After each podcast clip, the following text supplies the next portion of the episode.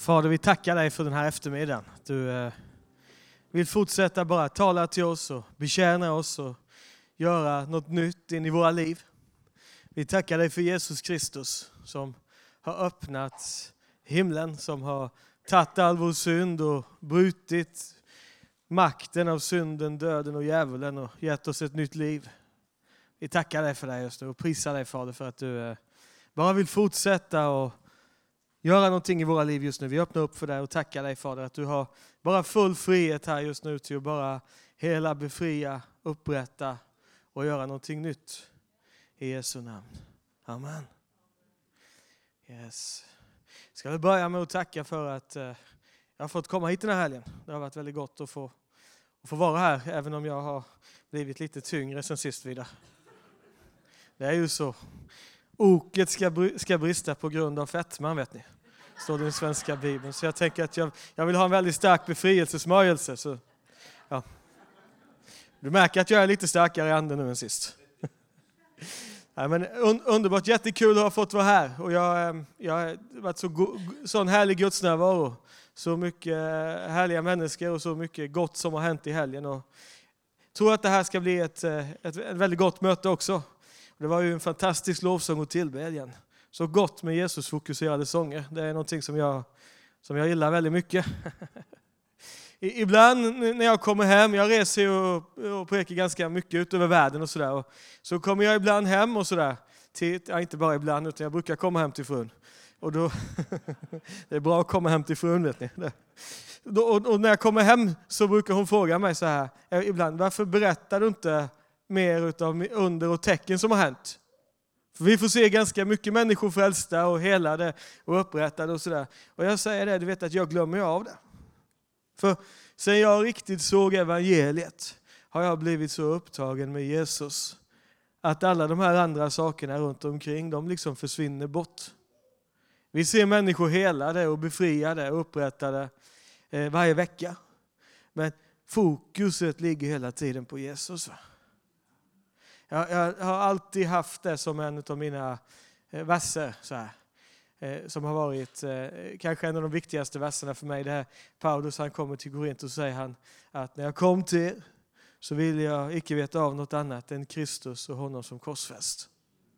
Eh, eh, var, var liksom, jag, jag, tycker det är starkt, därför att när, om du ska se Guds rike riktigt tydligt, om du vill se vad är liksom den yttersta manifestationen av Guds rike, kan du se när du ser på korset. Du ser aldrig Faderns kärlek, kärlek så tydligt uppenbart som när du ser Jesus på korset. Så ser Faderns hjärta ut.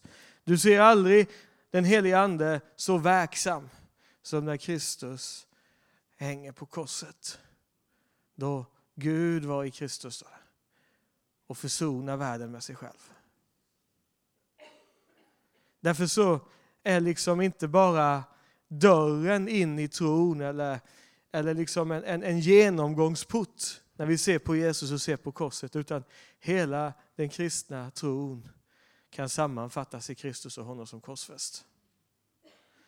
Och jag tycker det är så fantastiskt hur Gud kan ta en symbol för, för död och tortyr och nederlag och misslyckande och vända till seger. Det står ju så att Guds svaghet är starkare än människors styrka. Och jag har bara, har bara liksom, eh, tänkt, ska tala lite grann om de här sakerna idag. För att vi har ju hela helgen här tryckt på det här med att, att eh, Jesus vill göra något i människors liv. Fadern vill komma med helande, upprättelse, försoning och frihet in i människors liv. Och vi vet att Jesu vittnesbörd är profetians ande. Det har vi också talat om. Det, det står i Uppenbarelseboken 19 och, och 10. Att profetisk tjänst, nytestamentlig profetisk tjänst, pekar alltid på, på Kristus. Därför så är liksom fokuset på på, på, eh, på allt vi håller på med pekar på Kristus. Och så, när vi kommer till Kristus så för han oss till Fadern. När vi kommer till Kristus så döper han oss i den, i den, hel, i den heliga Ande. När vi, när vi kommer till Kristus så uppenbarar han Faderns hjärta för oss. Men Det är också så att den, den heliga Ande, han älskar ju och, och, och liksom förhärligar Jesus. Jesus sa, när, när, när han kommer så ska han, så ska han förhärliga mig. Han ska ta av det som jag har sagt och förkunna för er. Jag får min lära från Fadern, sa Jesus, och så predikar jag det och sen kommer den heliga Ande bara och påminner er om detta, Pekar på det här och förhärliga mig. Och en av, de, en av de sätt som den helige Ande förhärligar Jesus på, det är att vittna med under och tecken och kraftgärningar. Så ibland så när jag får frågan, varför, varför, ser, ni så, varför ser ni mirakler? Vad gör ni? När jag säger vi predikar evangeliet. För evangeliet är Guds kraft till frälsning. Det finns inte någon kraft eller auktoritet i, i mina böner eller i mitt liv, men när vi predikar Kristus så älskar den helige Ande bara komma och stadfästa evangeliet med under och tecken. Och jag tänkte bara kop, faktiskt koppla lite grann till en del av de saker som vi, eh, som vi sjöng här i lovsång. Jag upplevde det var väldigt spot on med lovsånger här idag. Och jag upplevde att, eh, att eh, det var ju, det blev så starkt därför att det handlar om hur Gud kommer och söker oss. The reckless love of God som aldrig ger upp utan söker oss även när vi var hans fiende, även när vi var bortvända från Gud, så har Gud alltid varit den som har sökt oss. Och när Jesus ska tala, ha ett ledarseminarium med fariseerna i Lukas 15, så säger han så här, det är så här att vår Gud är som en herde som, har, som, som, har, som förlorar hundra, som har hundra får. Och så springer ett får bort och så lämnar han de 99 för att söka det förlorade fåret. Han är som kvinnan som söker det förlorade myntet. Det är väldigt svårt för ett mynt att omvända sig först.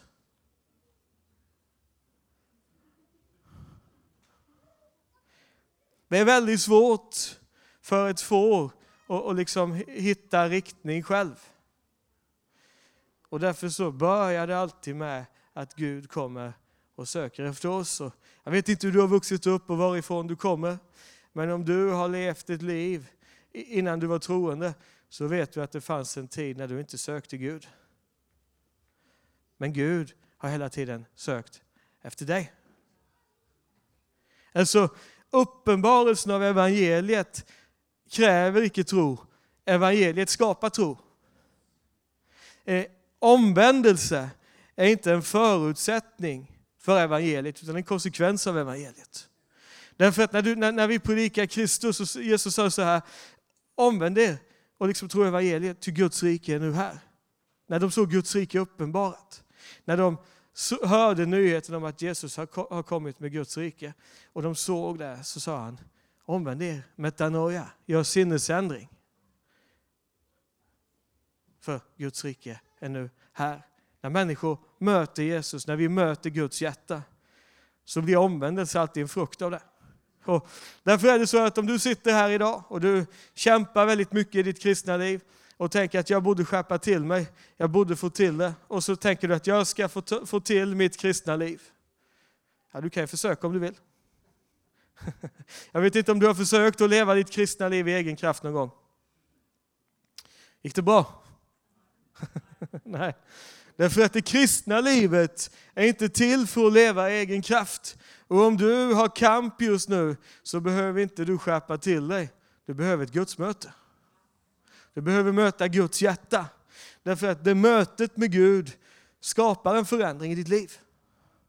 Det, det mötet med Gud bryter makten utav betryck i ditt liv och förlöser någonting nytt. Och det är precis så som Jesus kommer in till världen. Han blir, Gud blir människa i Kristus Jesus därför att han söker efter oss. Och Johannes evangeliet kapitel 1, eh, verserna 1-5 säger så här. I eh, begynnelsen var ordet och ordet var hos Gud och ordet var Gud. Han var i begynnelsen hos Gud. Genom honom har allt blivit till och utan honom har inget blivit till som är till. I honom var liv och livet var människornas ljus. Och ljuset lyser i mörkret och mörkret har inte övervunnit det. Vi kan läsa eh, eh, två verser till. En man trädde fram, sänd av, av Gud. Hans namn var Johannes. Han kom som ett vittne för att vittna om ljuset för att alla skulle komma till tro genom honom. Själv var han inte ljuset, men han kom för att vittna om ljuset. Det sanna ljuset som ger ljus åt alla människor skulle nu komma till världen. Så Kristus är världens ljus. I Gamla Testamentet så försökte ju Gud gång på gång att nå fram till, till människan. Och ibland så såg det ut som att det lyckades ganska bra, men ganska snabbt så förföll det ju igen. Om ni läser kungaböckerna och krönikeböckerna kan ni se att det är hela tiden en story om hur eh, eh, eh, en, en domare, en kung, en profet får en uppenbarelse av Gud. Och ett tag så blir det reformation och sen blir det förfall och så kommer liksom fångenskap och så ångrar de sig och så, och så liksom blir det ett, ett återkommande, ett, ett, ett, ett hjul utav omvändelse, försöka och så funkar det inte riktigt. Och så kommer profeterna och försöker tala till människan från utsidan och säga Gud vill ha tillbaka er, Gud vill nå fram till er. Men det räckte ju inte riktigt, har ni tänkt på det? Det, det funkar inte riktigt. Därför att människan var fortfarande bunden av synd. Det som hände i Edens lustgård efter syndafallet, att när, när Gud kom och gick i lustgården så, var det, så, så, så sprang Adam och Eva och gömde sig i busken.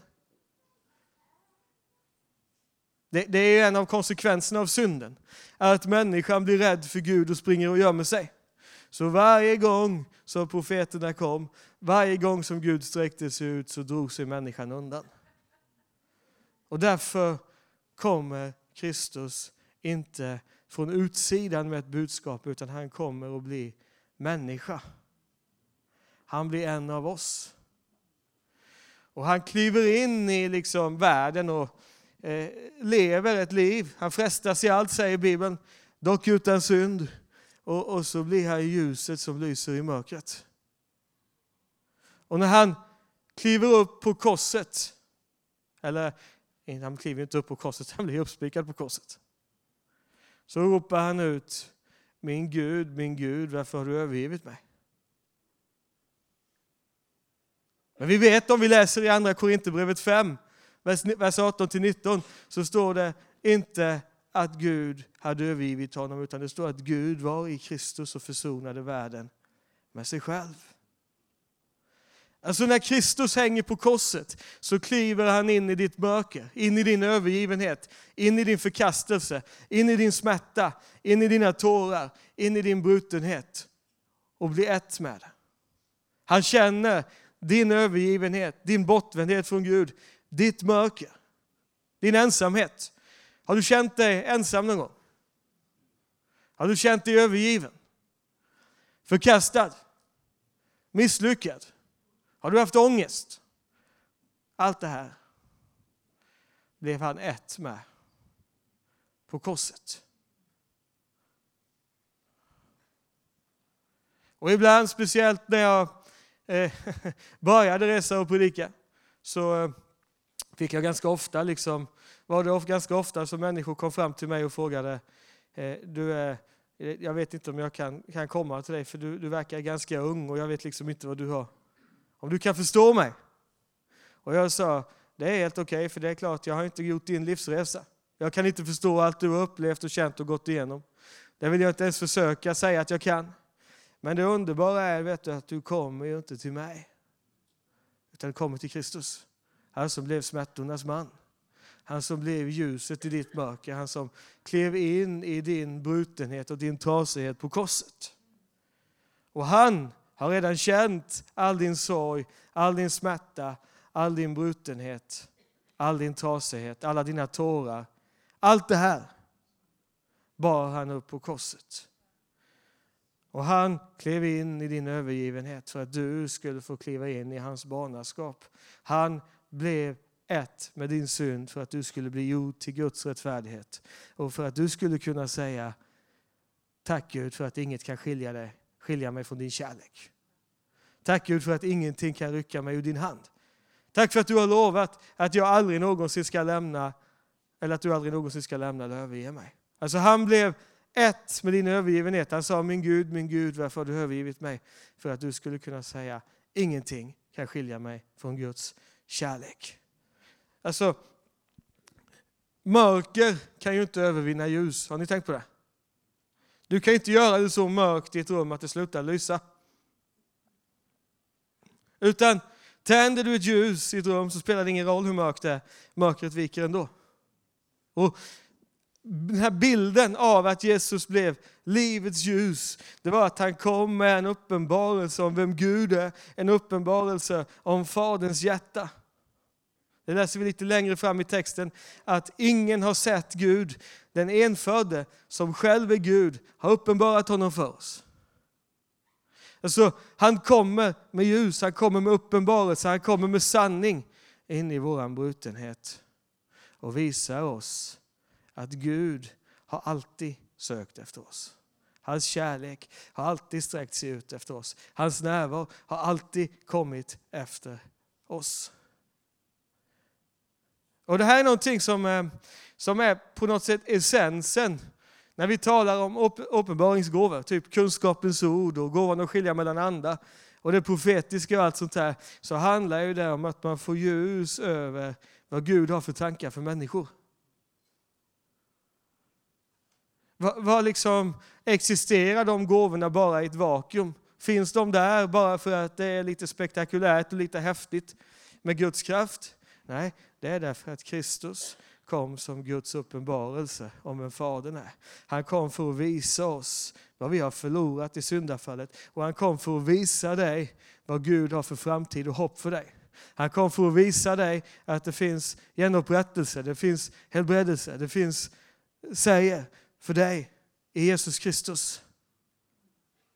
Och vi har sett så många gånger hur människor bara blir förlöst ut ur ett liv i, i, i brutenhet, i synd, i, i missbruk, i, i, i olika typer av extrema livsstilar. Och så får de se att Gud har något mycket bättre. För vet du, en sak som binder människor väldigt, väldigt, väldigt hårt, det är hopplöshet. Om du inte tror att det finns en framtid för dig, om inte du tror att Gud har något bättre för dig, så kommer du alltid se tillbaka och då får det förflutna makt över dig. Därför var det så viktigt när profeten Jeremia talade till Israels folk, att han sa, att han talar ut liksom profetiskt från Herren, att jag vet väl vilka tankar jag har för er. Jag har, inte, jag, jag har liksom en framtid och ett hopp. Jag har välgång, jag har framtid, jag har hopp. Det finns en ny tid som jag har förberett för er. Och det är precis det här som Jesus kommer för att uppenbara. Och många gånger så, när vi ser på korset, när vi ser på vad Jesus gjorde, så gör vi det ofta till en ekvation utanför oss, långt borta. Så här, att just det, Kristus dog för mig och därför så kan jag bli frälst. Just det, han tog min sjukdom, därför kan jag få uppleva helande. Och så blir det ett intellektuellt liksom, trossystem och det är jättebra med en fin teologi. Det är bättre att ha en bra teologi än en dålig teologi. Och alla människor har en teologi, vare sig de vet om det eller inte. Och det är bra att du vet om vad du har för teologi. Det blir lättare att leva då. Men det här är mycket mer än så. Det här handlar om att när Jesus gick till korset så inte bara gjorde han det möjligt för dig att bli frälst, utan han klev in i en djup identifikation med din kamp din brutenhet och det som håller dig tillbaka i livet. Och blev ett med det för att du skulle kunna säga genom Jesus så har jag blivit helad.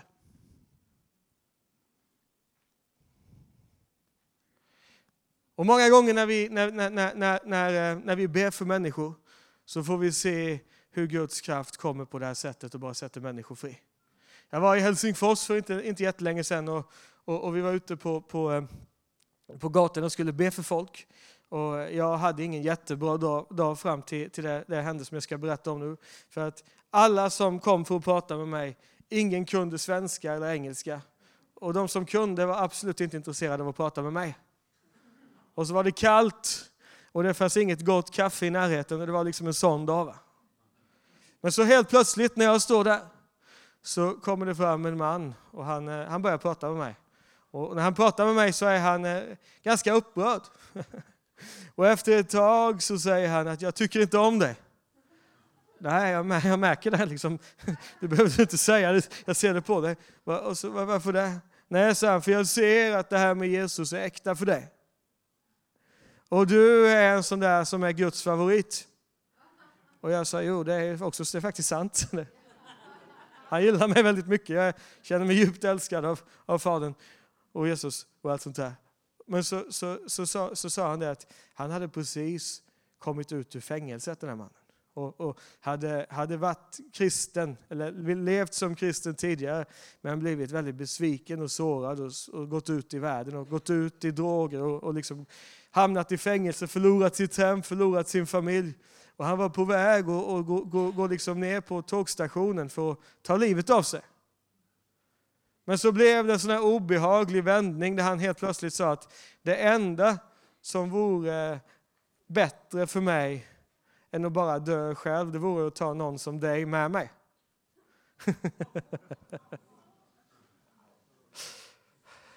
Ah, det här var en ganska stor kille så jag tänkte det här kommer inte att bli bra Gud.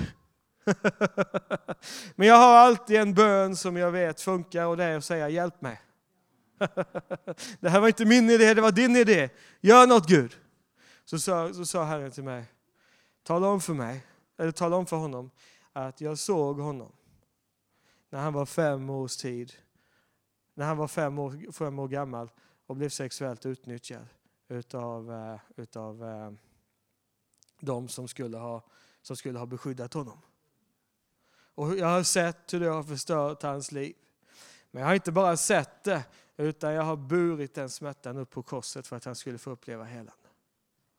Så säger jag detta till honom och då går han från att bli arg till att börja storgråta. Och så kastar han sig om halsen på mig så här och börjar ja, gråta och, och, och, liksom, och så får jag be för honom. Och så gör Gud ett verk. Och så följer han med på möte. Så ligger han utslagen under Guds kraft och gråter hela kvällen. Han kommer tillbaka dagen efter och då ligger han utslagen på golvet igen. Och, och hela helgen så kommer Gud med ett, med, och gör ett, gör ett helande i hans liv. Och sista, sista mötet så kommer det fram en kvinna till mig och säger, den här mannen du tog med dig på mötet. Vet du att jag har känt honom sedan han var liten och jag har bett för honom i, i nästan 20 år. Att Gud skulle möta honom. Jag fick bönesvar här ikväll. Och vad som hände, det var ju att den här smärtan, den här trasigheten som han har upplevt, hade Kristus burit upp på korset. Hade Kristus liksom burit i sitt liv upp på korset, gråtit hans tårar, upplevt hans smärta för att han skulle kunna förmedla helande. Och när vi förmedlar kunskapens ord, när vi flödar i gåvan att skilja mellan andra, eller det profetiska som handlar om att hjälpa människor fri, så är det ju att Kristus delar med oss det han tog på korset och det han vann för oss på korset. För att han vill se frukt av sitt lidande. Fadern vill att Jesus ska få se frukt av sitt lidande. Och Jag tycker det här är så fantastiskt. För det gör att jag behöver aldrig fästa helande tjänsten eller, eller det profetiska vid mig. Utan jag kan alltid se på korset och se att därför att Jesus har gjort ett fullbordat verk så finns en trygg grund att stå på. Därför att Jesus har gjort ett fullbordat verk så finns det alltid någonting som håller. Och då får du en väldig trygghet i din tjänst. För du kan hela tiden peka tillbaka på korset. Du kan hela tiden se på Jesus och du kan veta att när du möter människor som kämpar med saker så är inte det du som är där först utan Kristus gick dit för 2000 år sedan och den helige Ande har, har verkat liksom 24-7 för att den här människan ska se Jesus. Så när han kommer med det här ljuset in i våra liv, uppenbarelsen in i våra liv, så gör han det för att uppenbara Fadern, uppenbara vem han är. Visa att det finns framtid och hopp för dig. Men det finns någonting i det här också som har med din identitet att göra, som också är väldigt kopplat till eh, till det profetiska. Jag kände, jag ville idag ta en lite annan väg för jag, jag upplever att det finns en hel del frihet och helande för, för det här ikväll också. Och om vi går till andra Korinthierbrevet.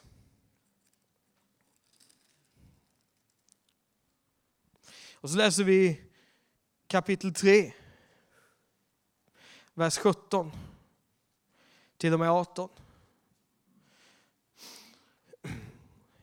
Och så tänker vi då på att, att, att Herren, alltså Jesus, är, är, är, är, är världens ljus.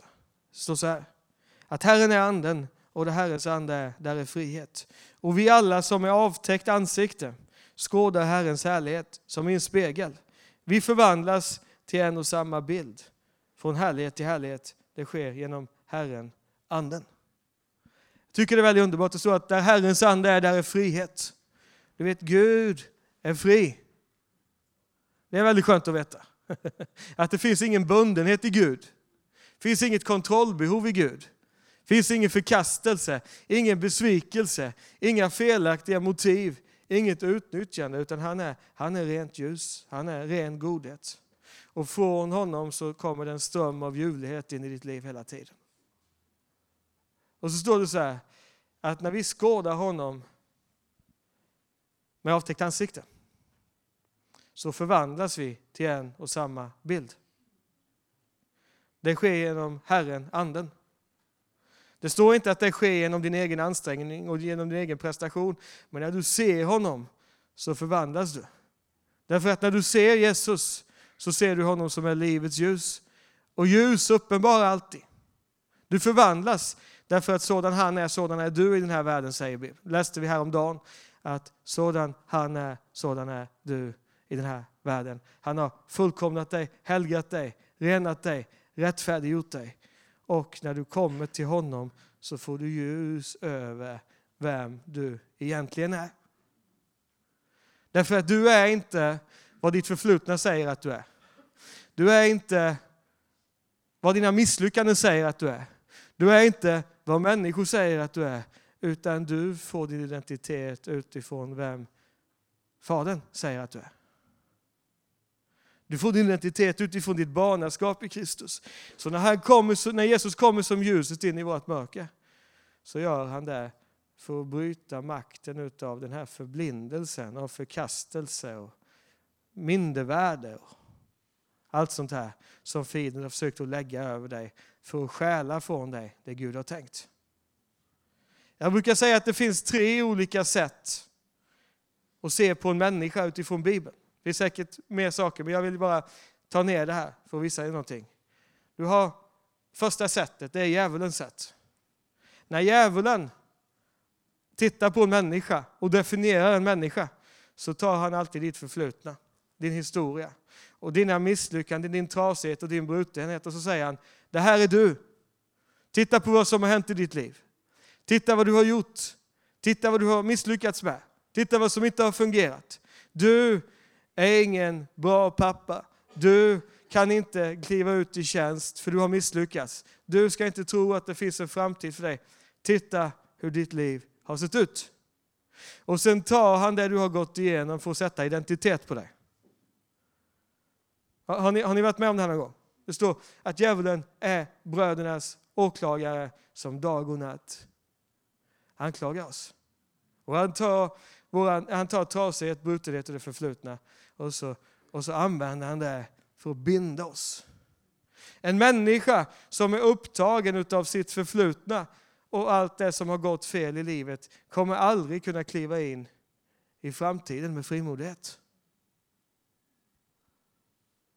För att du kommer alltid se saker som du har gjort och som har hänt tidigare som definierar dig och som binder dig och håller dig tillbaka. Därför räcker det inte att hjälpa en människa genom att tala om för dem vad de har gjort för fel i livet. För det enda det kommer göra är att binda dem ännu mer i problemen. Det är därför det profetiska är så starkt, för det ger människan en, en framtidsvision.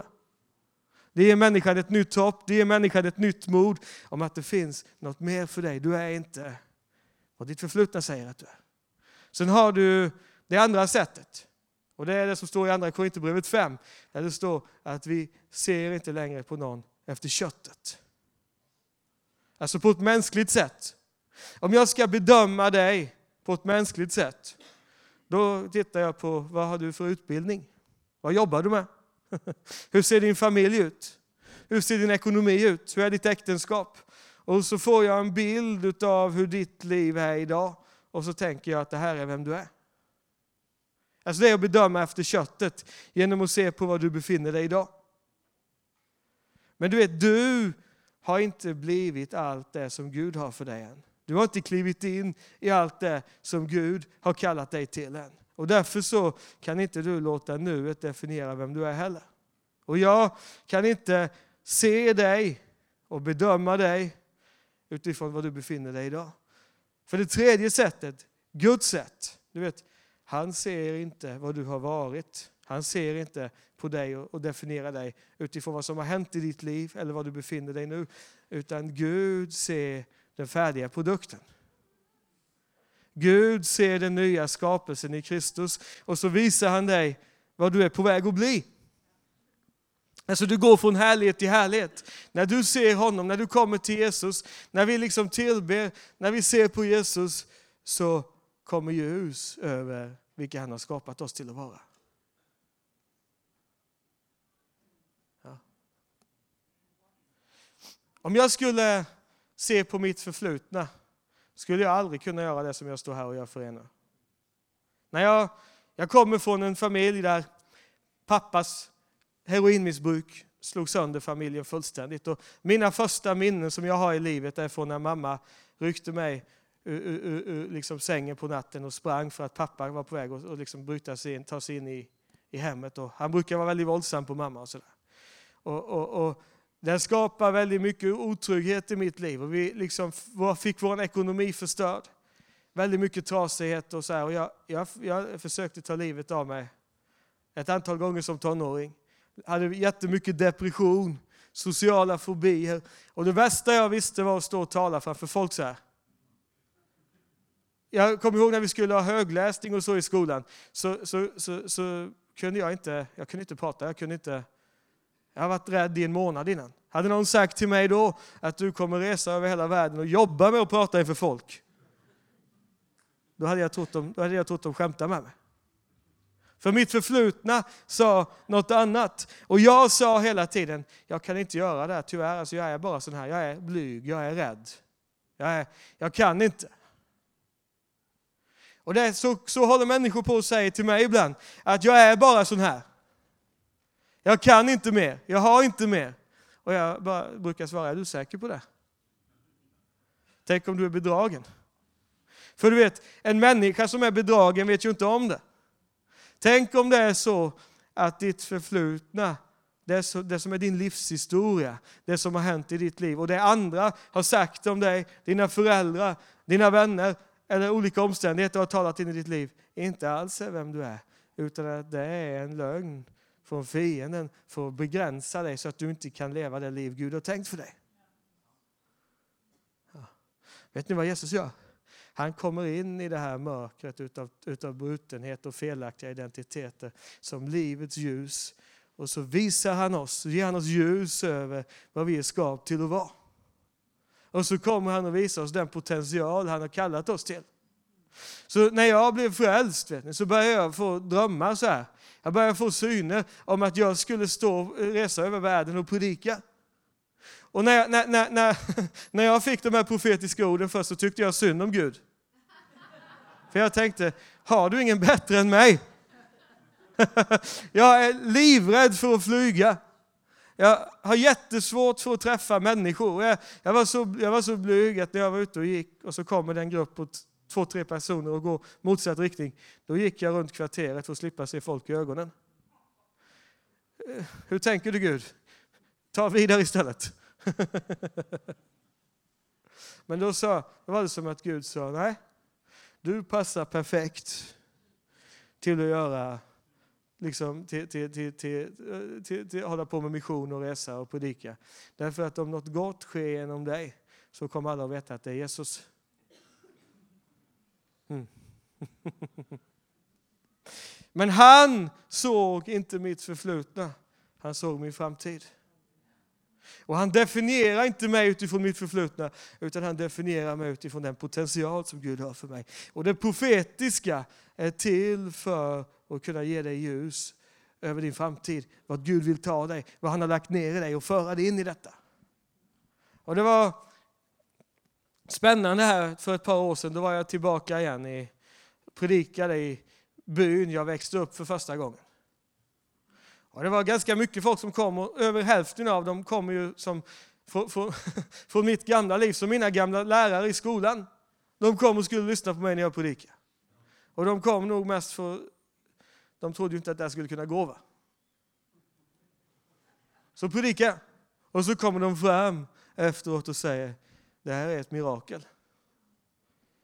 Det ska inte, du ska inte kunna göra det här. Och jag sa, nej du har helt rätt i det. Men sen kom Jesus och tog över. Och han är inte begränsad av vad som har hänt i det förflutna. Utan han kommer som livets ljus för att ge dig ljus över vad han har för framtid för dig. Det, det, han kommer för att ge dig liv och liv i överflöd. Så på korset så tar han vet du, all det här, allt det här som du har varit igenom.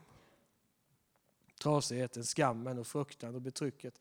Och så bryter han makten av det. Och så säger han, du är inte längre begränsad utav trasighet. Du är inte längre begränsad utav vilken familj du har växt upp i. Du är inte längre begränsad utav det som tidigare har hänt i livet. Utan du är definierad i Jesus Kristus. Sådan han är, sådan är också du i den här världen. Och, och, och Fadern säger, om jag ska visa dig vem du är, så kan jag inte visa dig dig själv. För det är en förvrängd avbild. Utan om jag ska visa dig vad jag har tänkt för dig, så måste jag visa dig på Jesus. Därför att du är avbilden och han är originalbilden. Ja. Finns det förkastelse i Kristus? Okej, okay, då ska det ut ur ditt liv också. Finns det fruktan i Kristus? Då ska det ut ur ditt liv också. Finns det övergivenhet, besvikelse, missmod, självförakt i Kristus? Då ska det ut ur ditt liv också. Vet du. Och ibland när jag, när, jag, när jag ska illustrera det här, jag, jag, jag jobbar ju en del med, med själavård, sitter med människor som, som mår jättedåligt. Och så, och, så, och, så, och, så, och så berättar de för mig vad de tycker om sig. Så här. Jag är helt värdelös, jag, jag kan inte se mig själv i spegeln som jag ser ut och allt sånt där. Jag är misslyckad. Och jag sa, låt oss göra ett experiment. Säg samma saker till mig som du säger över dig själv. Det är kanske en del som skulle vilja göra det, men det, det, det är en bra illustration. Säg till mig, Martin, du är värdelös. Martin, du har misslyckats. Martin, du, du, du är så ful att du borde aldrig se dig i spegeln. Martin, du kan inte, det går. Nej, men så säger de, så kan inte jag säga till dig. Nej, det håller jag med om. Jag vill inte att du ska säga så till mig egentligen. Men du kan tydligen hålla på och prata de här tankarna in i ditt eget sinne dag efter dag. Är det någon som förstår vad jag försöker liksom lyfta fram här? Och problemet är att vi tänker att om vi bara gör mental träning så kommer det här att lösa sig. Många gånger. Att om jag bara fokuserar på att tänka rätt så kommer det bli bra. Men vet du vad du kommer upptäcka? Det är att du kan inte bryta makten av de här negativa tankarna själv. Du kan försöka, men problemet är att det här negativa har, har liksom blivit en del av ditt själsliv. Jag, jag försökte många gånger förnya mitt eget sinne i egen kraft. Och ju mer jag försökte tänka rätt, ju mer fel blev det. Va? För då får man fördömelse över att man inte tänker rätt också. Men vet du, det bästa är att gå till Jesus därför att han har brutit makten av de här tankarna på korset. Och i honom kan du uppleva frihet från den här negativa självbilden så du kan sträcka dig efter allt det som Gud har för dig. Det finns en framtid och ett hopp för dig. Det finns eh, seger och utrustning för dig. Det finns något mer för dig än vad du har sett. Gud har kallat dig till att röra vid hundratals människor med evangeliet. Du är kallad till att se hundratals människor helade, befriade, upprättade. Ja, men jag kan inte. Nej, precis. Det är därför du behöver komma till Jesus. Som bara visar dig vem han har skapat dig till att vara. Han kommer som, som världens ljus, vet du. Han kommer som livets ljus. Och så är han det ljus över vad han har kallat dig till. Det är det som är det profetiska. Och jag har sett det här många gånger. Jag satt för inte länge sedan och samtalade med en, en, en, eh, en kvinna som höll på med, med, med, med det okulta, häxkraft. Hon hade inte blivit hjälpt av det. Hon hade svår ångest, liksom, eh, självmordstankar och en massa saker. så här. Och så sitter vi bara och samtalar. Jag ber inte för henne. Vi sitter och så pratar hon om sina andliga liksom, guider och eh, allt vad det är. Och så sitter jag bara och lyssnar på henne. Och så säger jag någonting och helt plötsligt så, så börjar hon skaka när vi sitter vid bordet. Vi sitter på, som på ett café och pratar över en kopp kaffe. Jag ber inte, jag profeterar inte, jag bara sitter och pratar med henne. Och så säger hon, vad är det som händer med mig? Jag känner, jag känner en närvaro som kommer över mig. Det är som en elektricitet, en kärlek som kommer över mig. Vad är det här? säger hon. Och jag sa, du vet, det är bara min andliga guide som kommer och hälsar på dig lite grann.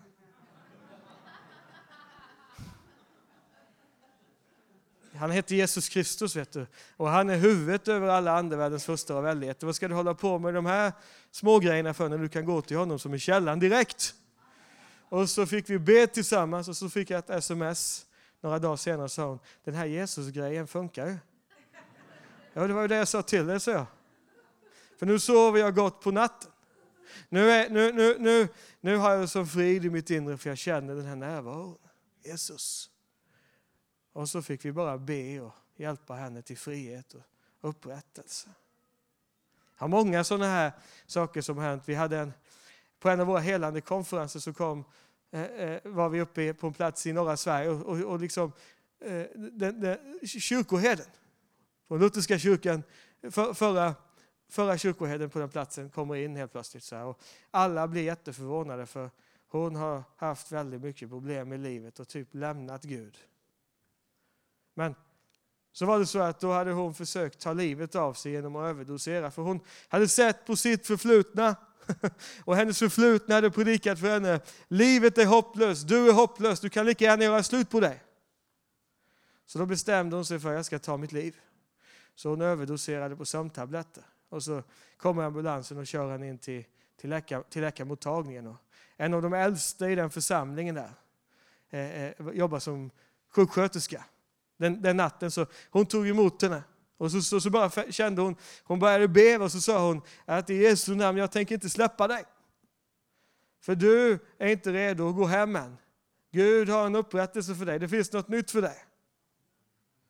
Så hon släppte henne inte och så, och så fick hon vakna upp och så, och, så, och så fick hon höra att vi hade den här konferensen där på, på helgen och så kommer hon dit fortfarande jättearg. För det har gått fel i livet, det har gått fel i tjänsten och det finns jättemycket besvikelse, vrede och liksom eh, bitterhet och sår och, och, och, självförakt och så. Helt plötsligt när hon sitter där så, så, så börjar hon skaka. Liksom. Guds kraft kommer över henne. Och så bara säger hon att det var som, för jag talar om försoning, hur Kristus har tagit all världens synd på korset och hur han, han, han löser ge oss kraft och nåd till att kunna förlåta och gå fri från det förflutna. Och helt plötsligt så bara så, jag bara kände hur Jesus hjälpte mig till att förlåta. Och när jag förlät så var det som att hans, hans kärlek kom in här och började hela, började läka.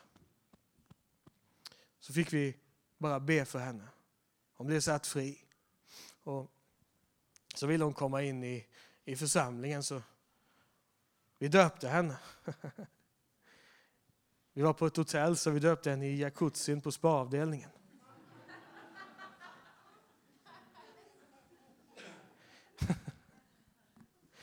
Det är ganska trevligt. Och sen efter vi hade döpt henne så fick vi, så fick jag, så fick vi bara, bara fortsätta undervisa henne när vi satt i jacuzzin då. Be för henne. Vet ni, Gud reste upp henne. Hon blev en av våra predikanter. Och jag brukat köra kvinnokonferenser där hon uppmuntrar kvinnor med att det finns något mycket mer för dig än det livet har talat om för dig. Du är inte ditt misslyckande. Du är inte ditt gamla liv. Det här som har bundit dig har ingen makt över din framtid. Därför att Jesus har kommit för att ge dig en framtid och ett hopp. Och sådan han är, sån är du i den här världen. Det är inte du själv som definierar vem du är, utan Faderns kärlek ger dig identitet som son och dotter till honom. Och därför så är inte frågan om vad kan du och vad kan inte du, utan frågan är mer vad kan Kristus genom dig? Jag menar, vi är kallade till att vara världens ljus, står det i bergspredikan. Varför kan vi vara världens ljus? Varför kan vi stå upp och lysa, som det står i Jesaja 60? Ja, det är inte för att jag liksom skärper till mig och tänker att mitt liv ska lysa klart. Utan det är ju för att vi har världens ljus, bor i församlingen.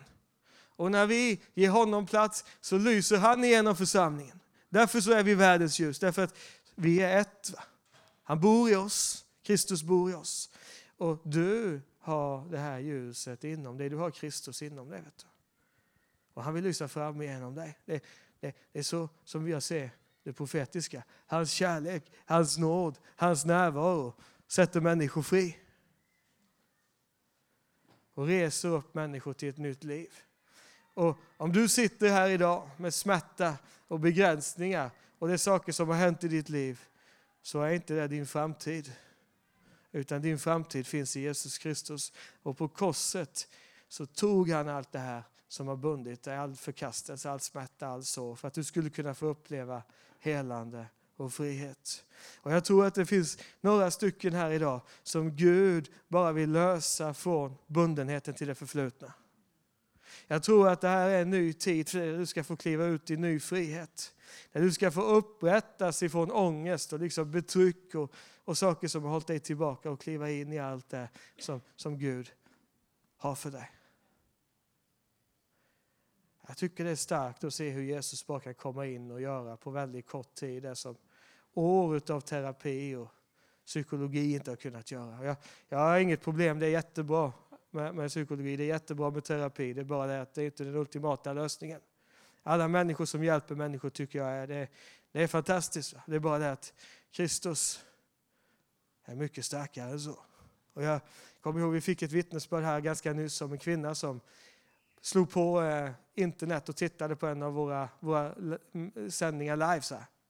Eh, eh, jag predikade på, i en, en menighet och de sände live. Och så, och så kom hon hem från jobbet så hon slog på det här mötet precis när jag slutade predika så fick jag en profetisk hälsning om att Gud kommer och läker ut från bitterhet och sår. Och, så, och så sa hon det att jag har gått och varit bitter och besviken och liksom haft varit full av hat i 20 år. Därför att jag, blev, jag fick mitt liv förstört utav några som gick bakom ryggen på mig. Jag, jag har gått till psykologer, jag har sökt hjälp i terapi, men ingenting har funkat. Men när jag såg på det här mötet så var det som att det kom en kraft. Jag bara upplevde en värme från himlen som bara sköljde igenom mig. Och helt plötsligt så tog Herren bort det som inte 20 år av kamp har kunnat ta bort. Därför att han är vår läkare.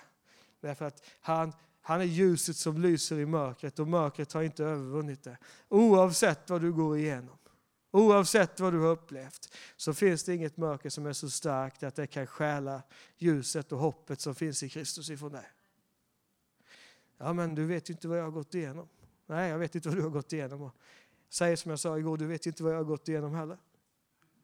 Men jag vet en sak. Och det är att oavsett vad du och jag har upplevt eller gått igenom så är inget av de sakerna starkare än det Jesus har gjort på korset. Hans framtid och hans hopp talar alltid ett högre och starkare språk över ditt liv än vad ditt förflutna gör. Och Gud vill att du ska få kliva in i något nytt idag. Gud vill att du ska få se något nytt idag. Gud vill att du ska få komma in i det han har för dig idag. Och han vill sätta dig fri idag till en ny tid. Och ibland så, så har vi liksom en väldigt märklig syn på det här med när vi talar om urskiljning och vishet och så här. För vi, vi tänker att urskiljning handlar liksom om att kunna urskilja och se allt som är fel och allt som är problematiskt. Men du behöver inte vara profetisk för att kunna se allt som är fel och allt som är problematiskt. Det enda du behöver är två ögon och lite kritiskt tänkande. Så kan du se alla problem som finns i ditt eget liv och överallt annars. Behöver inte vara, du behöver inte vara profetisk för det. Däremot, när du står i omständigheter och situationer där problemen talat väldigt högt, va? där brutenheten och, och, och alla de här sakerna talar väldigt högt, så behöver du vara profetisk för att kunna se vad är Guds lösning. Alltså jag vill inte bara reagera på vad fienden håller på med. Jag vill inte åka hem till Sverige och tänka, hmm, vad, vad, vad har vi för problem här? Utan jag vill leva steget före och se vad är Guds lösning på det här problemet. Vad har Gud för plan?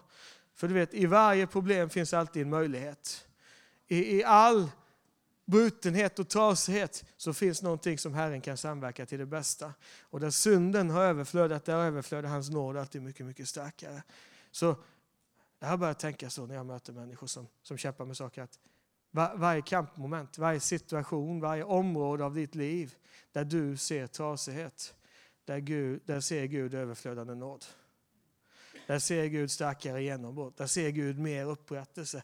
Därför att han älskar dig så mycket att han kommer inte låta fienden få sista ordet på ett enda område av ditt liv. Och Det är därför jag älskar den här sången som vi sjöng innan, med Reckless Love. därför att ibland så gör vi Guds kärlek väldigt så här, det blir så slätstruket. Det blir så fint. Men Gud är ju, eh, eh, jag höll på att säga, han är ganska brutal på ett sätt. Därför att han sträcker sig in i de mest liksom, jobbiga situationer. Han kliver rätt in i människors liv som är på precis fel plats. Och, och han, han, han, bara, han bara gör saker som man tänker att kan Gud verkligen göra så här? Bara därför att han älskar människor så mycket att han kan inte släppa dem i mörkret. Va?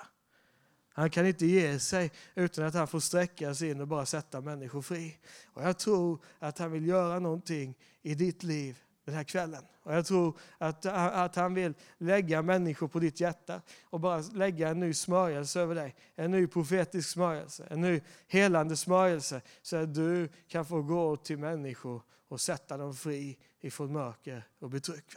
Att du ska få komma med helande till sjuka, att du ska få komma med upprättelse till bundna och att du ska få komma med frihet till de fångna. Vi tackar dig just nu Fader för din, för din kraft och din närvaro här. Vi ber dig just nu helige Ande att du ska komma och beröra Fader. Tack Fader för att du, du har så mycket nåd. Du har så mycket kraft. Du har så mycket genombrott. Och vi prisar dig just nu för din smörjelse som du bara förlöser just nu. Heligande kom. Heligande verkar. Jag ber dig Fader att du bara ska komma med det här ljuset just nu. Tack för att du redan finns där.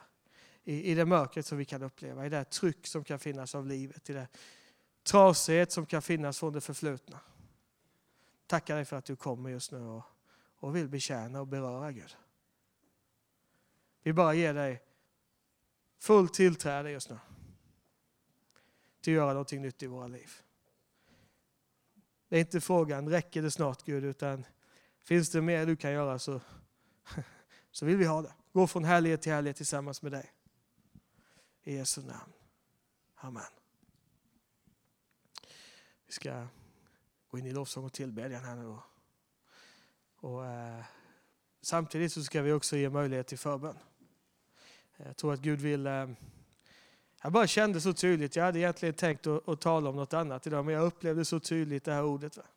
Att ljuset lyser i mörkret och mörkret har inte övervunnit det.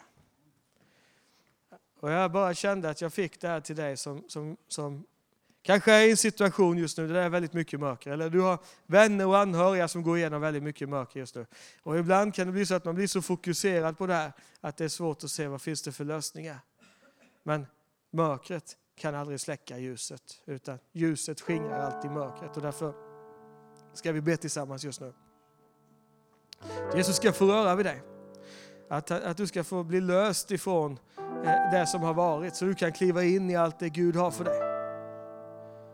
Oavsett om du är ung, gammal eller medelålders så finns det alltid mer för dig.